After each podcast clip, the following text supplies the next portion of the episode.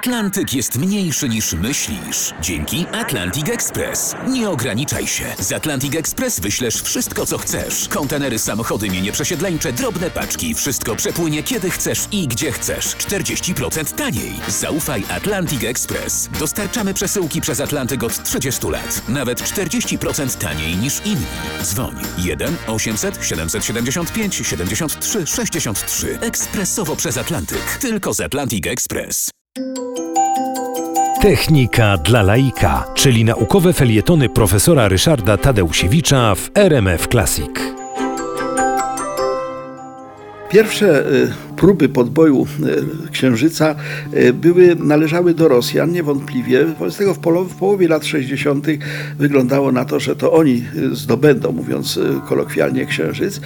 Chociaż Amerykanie do tego też się bardzo mocno przymierzali, bo prezydent Kennedy zapowiedział, że przed końcem dekady, czyli przed końcem 1960 no, N roku, prawda, Amerykanie wylądują na księżycu i rzeczywiście wylądowali w 1960 1969 roku. Ale dlaczego przegrali Rosjanie?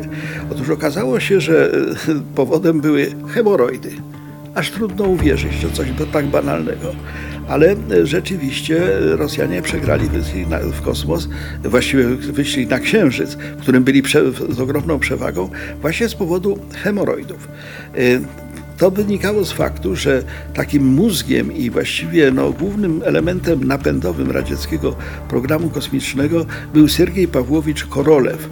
Człowiek, którego nazwisko było w trakcie właśnie tych e, udanych eksperymentów tajne, to on wysłał w kosmos Gagarina, to on wysłał Tiereszkową, to pod jego kierunkiem budowano rakiety, które naprawdę lądowały na Księżycu, ale nie wolno było go e, wymieniać w ogóle z nazwiska. No ale on miał po pierwsze trudny charakter, E, bezustannie kłócił się z Władimirem e, Czełomiejem. E, to był ten Czełomiej był konstruktorem rakiet Proton. To, to są z kolei właśnie te rakiety, które wyrzucały w kosmos rozmaitego rodzaju no, pojazdy. Natomiast w 1960 roku, być może pod wpływem tych awantur, Korolew miał zawał serca. Natomiast w zupełnie śmieszny sposób, bo 14 stycznia 1966 roku musiał się poddać operacji hemoroidów. No po prostu źle mu się siedziało, więc w związku z tym e, e, tą operację hemoroidów musiał przejść. Był to człowiek tak cenny, że nie mógł go e, operować zwykły lekarz i wobec tego operował go wiceminister zdrowia Związku Radzieckiego. Niestety tak go operował, że Korolew zmarł w 1966 roku i to jest data końca radzieckich sukcesów. Od tej pory właściwie już tylko przegrywali.